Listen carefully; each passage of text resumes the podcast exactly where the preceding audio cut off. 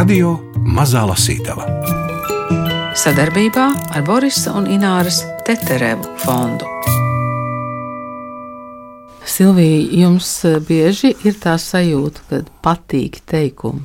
O jā, o jā, un es arī zinu to sajūtu, ka teikums prasās, lai to nolasa skaļi. Un nereti arī, lai saprastu, vai viss ir izdevies tajā pašā melodijā, kurā runā autors, ļoti vērts ir palasīt skaļi sevis tulkoto tekstu, tad tu pats aizķeries aiz grubuļiem un, un, un nepilnībām un dzirdi to.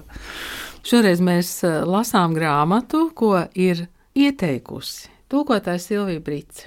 Silvija. Viņa ne tikai ieteikusi, viņa arī ir tulkojusi. Nu, jā, nu tas, ka tulkotājs iztulko, tas varbūt nemaz nav tik neparasti, bet tas, ka tulkotāji iesaka īpaši kādu grāmatu, tas tomēr ir īpaši, vai ne, Silvija? Nu, es domāju, jā, jo nav jau tā, ka es tulkoju grāmatas, kuras man nepatīk. Visi, visi bērni, kā teikt, ir mīļi, bet gadās šādas pavisam īpašas grāmatas, kā Paskāls Mersie. Man ir bijusi tā laime tulkot arī viņa nakts vilcienu uz Lisabonu un noveli Lējā kas varbūt ir palikusi mazliet mazāk ievērota par nakts vilcienu. Ļoti daudz lasītāju jūsmoja. Un tagad es esmu iztulkojusi, un lasītāji ir saņēmuši Paskāla Mersie romānu vārdu svars. Paskāls Mersie patiesībā ir Pēters Bīri, filozofs pēc izglītības, arī filozofijas profesors, kurš ar savu īsto vārdu ir uzrakstījis uh, divas šķiet filozofijas grāmatas, teiksim tā. Viena ir par dzīves veidu abi vārdi atsevišķi par veidu, kā tu dzīvo, nezaudējot savu pašcieņu.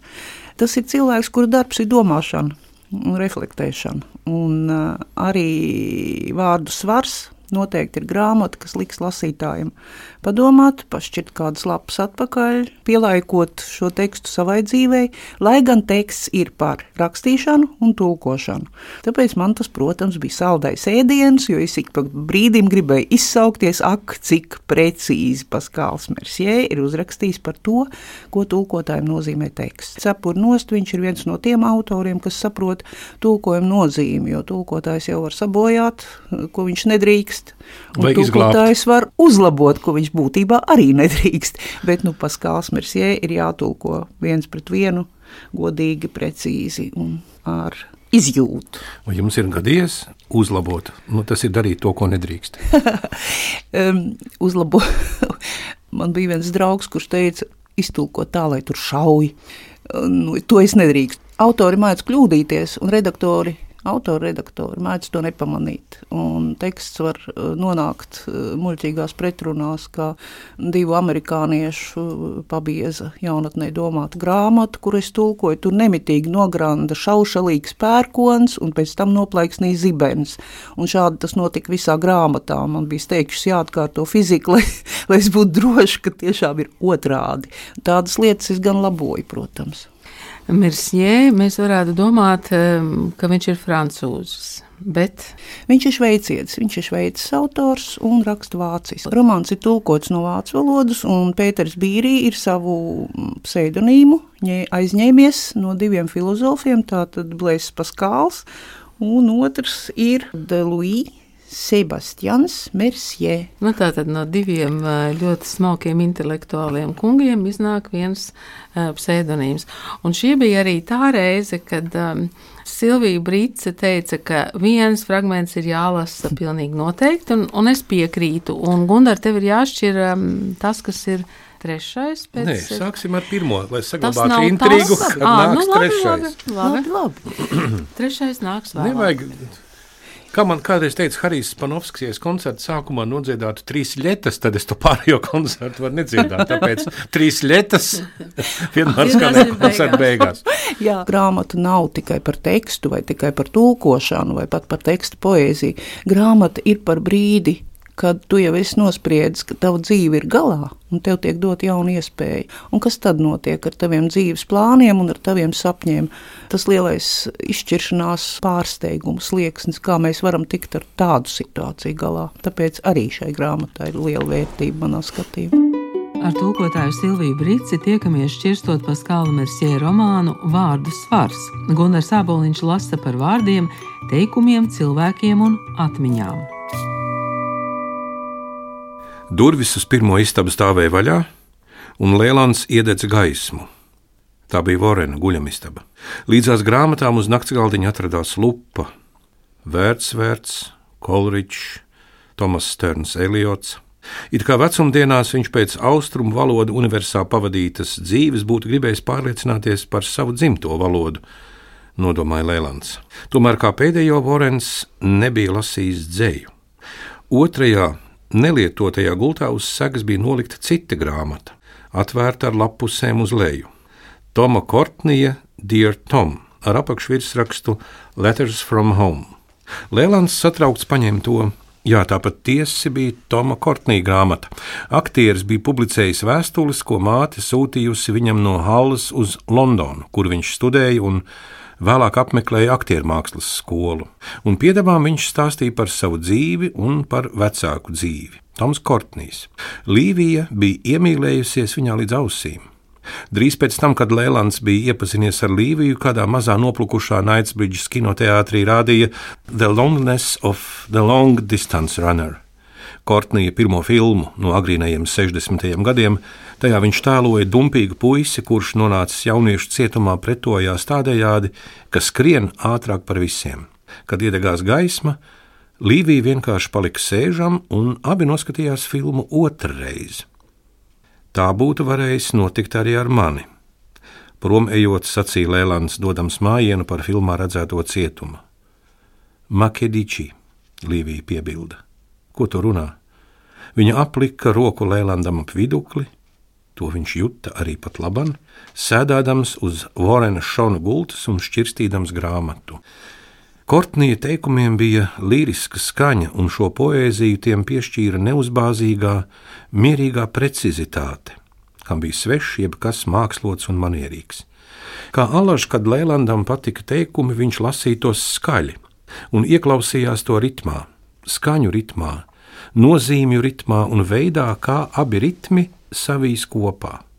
Pēc brīža viņš pamanīja, ka dara vēl kaut ko citu, ne tikai bauda vārdu skanējumu Šos teikumus viņš pār 11 gadu attālumu lasīja priekšā Līvijai. Viņas sievai bija īpašs veids, kā klausīties viņā, tāds koncentrēšanās veids, kas spēja Leilandu apburt un iekvēlināt pat vēl pēc 20 gadiem. Triestes mājā abi mēdz apsēsties uz kāpņa augšējā pakāpiena un sarunāties par vārdiem, par vārdu nozīmi, par to, kā tie būtu pārtulkojami vāciski, angliski, itāliski, franciski, dažreiz arī triestas izloksnē. Un tagad, staigājot šurpu turpu Vorena Šona guļamistabā un izrunājot Toma Kortnī vārdus, viņam šķita, ka Līvija ir tepat, kā toreiz uz kāpnēm. Sieviete, ar kuru viņš dalīs dzīvi, dalīdams ar viņu savus vārdus. Līdz lejā iezvanījās telefons. Viņš mēģināja to nedzirdēt, mēģināja pasargāt sevi un kļūt nesasniedzams, iztēlodamies triestes mājas kāpnes un atsaugdams atmiņā Līvijas parfīmu smaržu, kas viņam bija sevišķi patikusi tad, kad sajaucās ar viņa cigaretes dūmiem. Taču telefona zvanīšana bija varenāka par viņa atmiņas spēku, un Toma Kortnī vārdi pēkšņi zaudēja savu burvību un skanēja dobi un sveši tukšajā mājā. Zvanīšana mitējās. Lēlants nolika grāmatu atpakaļ, tāpat kā bija to atradis, mazliet tā, it kā nezinādams iemeslu, gribētu padarīt par nebijušu to, kas nuli noticis, vai it kā gribētu saglabāt to kā noslēpumu, kā noslēpumu no sevis paša. Tad viņš izslēdz gaismu.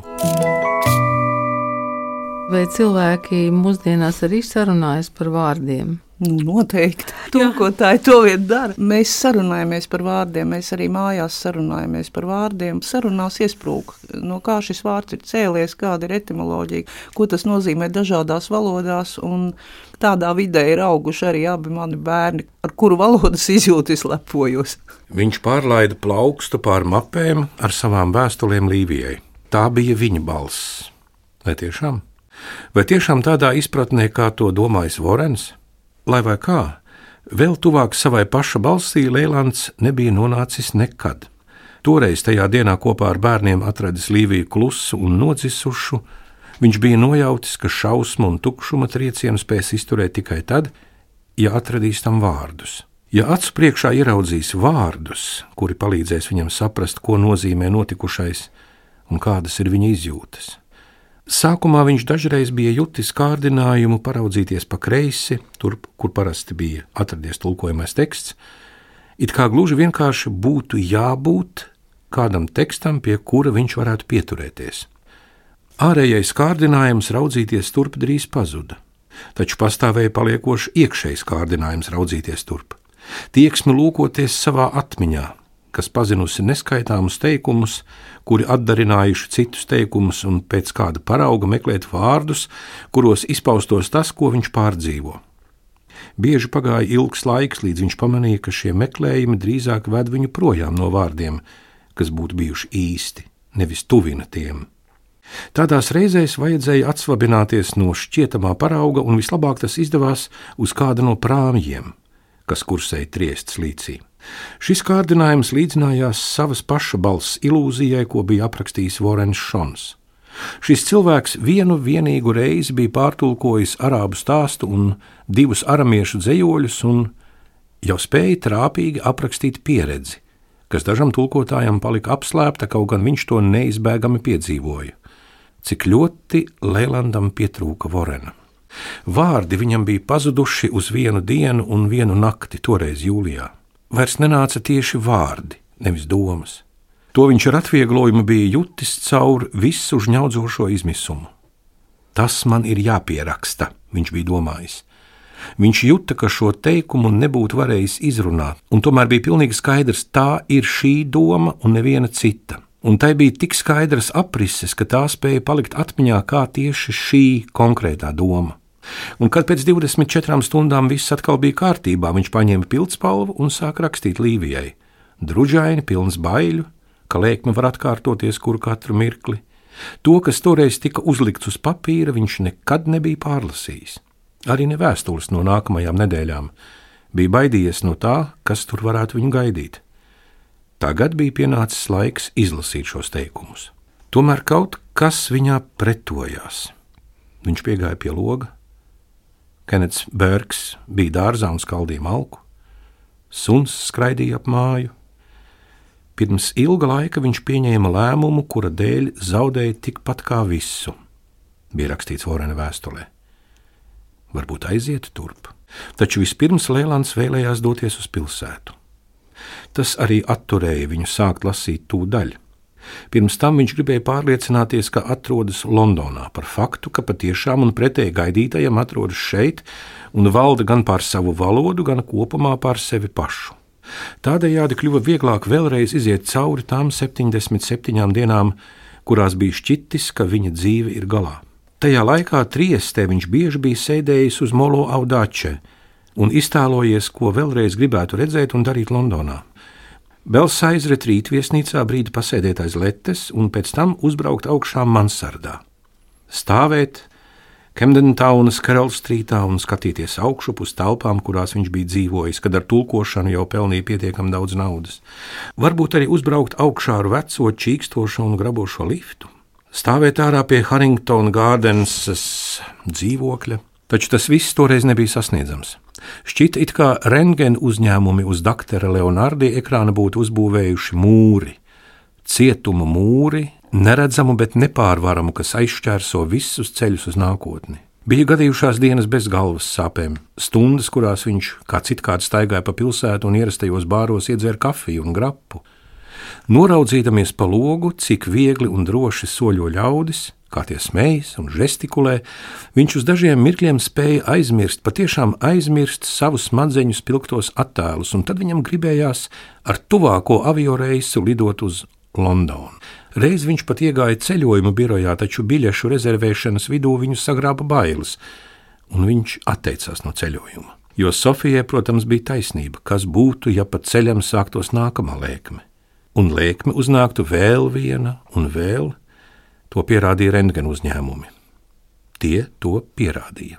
Kenets Bergs vēl ar vienu skaldīja malku. Lēlands piespieda pieru pie rūts. Es esmu šeit, viņš domāja. Es esmu šeit, Londonā. Viņš uzvilka mēteli, pēc tam izstaigāja visas istabas. Viņš atradās Vorena Šona mājā, Hempsteadā, Londonā, mājā, kura tagad piederēja viņam.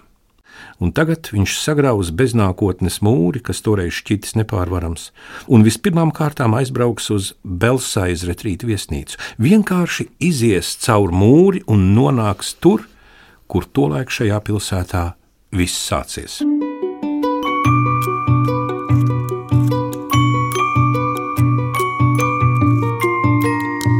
Radio Mazā Lasītava. Paskāla Mersie vārdu svaru no vācu valodas tulkojusi Silvija Brīce, izdevusi Zvaigznā BC. Viņas tulkojumos latviešu valodā izdoti arī Mersie darbi Nakts vilciens uz Lisabonu un Leā.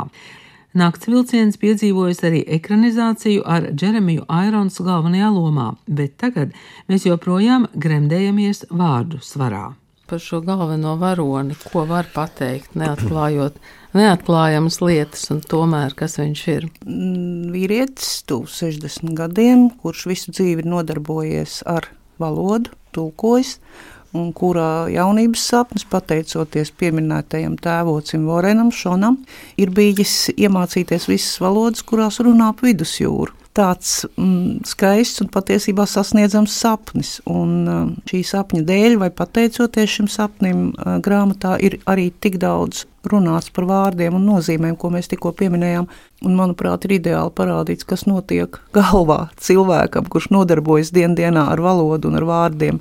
Es neko labāk uh, pateiktu vai formulētu, neesmu lasījusi, kas zīmējas uz tūkošanu. Kāpēc viņš iedomājas, ka viņam ir jāapgūst visas šīs valodas ap vidusjūru? Pirmkārt, tāpēc, ka viņš jau no agras, no, no puišeļa gadiem, cik viņam tur bija 6, 7 gadiņi, kad viņu interesēja šķiet arābu rakstu zīmes, kuras viņš uh, sāka atšifrēt ar tēvoču palīdzību.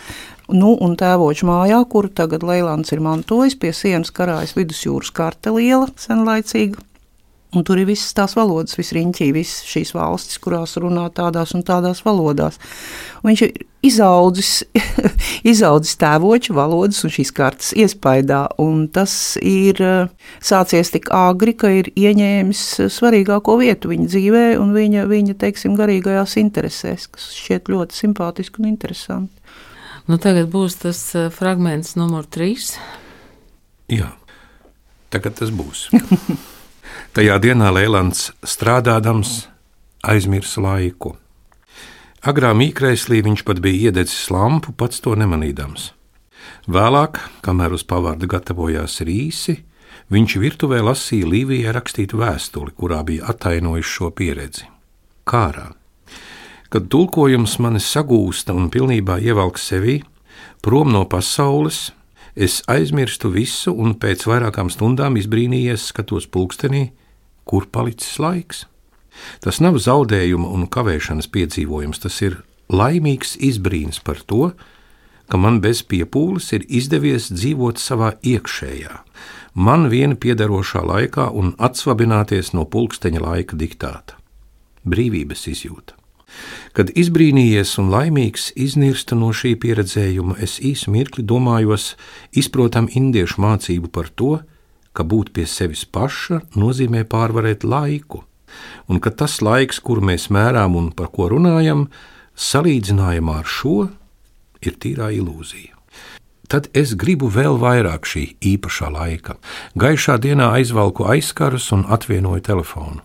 Patiesībā laika nemaz nav, saka indiešu skolotāji. Tas ir tikai šķitums, sevis aizmiršanas veids. Jā, Īstenībā viss rafinētākais un viltīgākais šīs aizmiršanas veids, tās oficiālais veids, kam visi kalpo kā realitātes pamatformai, pēc kuras jāvadās it visam. Bet tas taču ir kaut kas pilnīgi iluzors, kas tur mūs gūstā un atsvešina pašus no sevis. Piespiedu skatījums uz šo šķietamo realitāti, uz šo realitātes šķitumu ir liela barjera, kas aizšķērso mums ceļu pašiem pie sevis un iesloga mūsu laika āršķības cietumā. Veselu mūžu mēs dzenamies pakaļ šim šķitumam, šai fatamorgānai un bailēs svīzdami, nenovēršam acu no pulksteņa. Vārdi ir tie, kas man allaž palīdz izbēgt no laika važām. Ietvert vārdos kaut ko poēzijas garā, tātad pilnīgi pakļaut formai un attiecīgajai melodijai. Tas ir ceļš, kā atbrīvoties no ilūzijas par laiku, kā par darbīguma veidu. Poēzija palēnina laiku, atceļ to un atbrīvo mūs no tā. Viss viens, vai tā būtu vārdu poēzija, literatūrā vai skaņu poēzija, mūzikā, tā rada tagadni, savā ziņā mūžīgu tagadni. Mūžīgi tāpēc, ka tā vienmēr ir klātesoša, un to nespēja atcelt nekas. Šī iemesla dēļ tik ļoti kaitina, ka koncertā tiklīdz izskanējis pēdējais tonis, ļaudis jau ceļas kājās un sāk čabēt drēbes. Mans aizkaitinājums par to ir tik dziļš un stiprs, jo līdz ar šo mirkli spēkā atkal ir neīstais pulksteņa laiks, rādītāju mirāža, un līdzīga piezemēšanās tiek no manis prasīta, kad iezvanās telefons, un caur šo ierīci pēc manis izsmējīgi sniedzas neīstā laika pasaule. Vēl nu pat es biju pilnībā pats sevi iegrimis vārdos, īstajos vārdos, bet tagad man pie auss skan neīstie vārdi, kuri prasa pēc datuma un pēc pulksteņa laika, un piespiež mani atvērt kalendāru, aprēķināt un izrēķināt manu dzīvi, izkaisīties pulksteņa un kalendāru laikā, un pēc tam ir grūti atrast atpakaļ ceļu uz poēziju, uz tās pārlaicīgo tagadni. Kaut es nebūtu pacēlis klausuli, es tagad domāju, kaut jau es nebūtu pacēlis klausuli. Jā, Silvija, bet ja jūs nebūtu pacēlis klausuli, tad mēs te šodien nesatiktos, vai ne? Nu jā, kaut kā jāfunkcionē ir šajā, šajā pulksteņa un kalendāra laikā, viss jau ir pareizi. Bet eh, tikpat pareizi ir arī tas, ko saka Paskāls Mersie, jo es domāju, mēs visi pazīstam to, kā ir, kad mēs esam domās vai nu par valodu, vai par, par to, ko mēs savā darbā darām. Un, ja pēkšņi iezvanās telefons, tu esi laukā no melodijas, tā ir pilnīgi patiesība. Tu vari sākt atkal no sākuma pārlasīt to, ko tu esi iztulkojis atkārtot droši vien kādu teksta daļu no jauna, jo tu esi tagad izsis laukā no tā fragmenta. Nu, tā tas ir, tā ir dzīve. Nevar gribēt, lai dzīve ir ideāla un ārpus laika, tāpēc. Eh, ārpus kalendārā. Ārpus kalendārā laika, jā, tāpēc neapvainosimies cits uz citu, ja kāds zvana un, un kādam ir jāceļ klausuli. ir literāti, kuri kļuvuši par radio mazās lasītavas draugiem, tāpēc, ka turpina radīt labus tekstus un dzīvot ar tiem. Tulkotājs Silvija Brīce ir viena no viņiem. Starp citu, viņa pati arī ir autora grāmatai Baigās piezīmes. Tajā ir ne tikai tulkotājas piezīmes, bet arī skaistos saulēktu apraksti. Jūs eh, katru rītu vēl ar vienu sākat ar riteni gar jūru? Ar zirgu. Nesāku visu, jo ir stiprs vējš. Kad tajās dienās, kad nav tik stiprs, tad jau zirgs nāk labprāt līdzi, bet kad ir stiprs, tad viņš nevar pavilkties, un tad tur nekāda sevišķā prieka nav. Un saulīt arī jau vairs nelec no manas vietas jūrmalā, vairs slēgts nav saredzams. Tas ir eh, aiz lielupas, aiz meža Un, nu, tad es redzu, debesis iegaismojamies, bet tie fascinējošie mirkļi, kad saule ir redzama, kā viņa kā punktiņš izlien paceļas virs apvāršņa un sviež reizēm redz piedzīvojums, sviež zaļu stāru vienu vienīgu. Nu, tas tagad vairs nav, tas būs tikai pavasarī.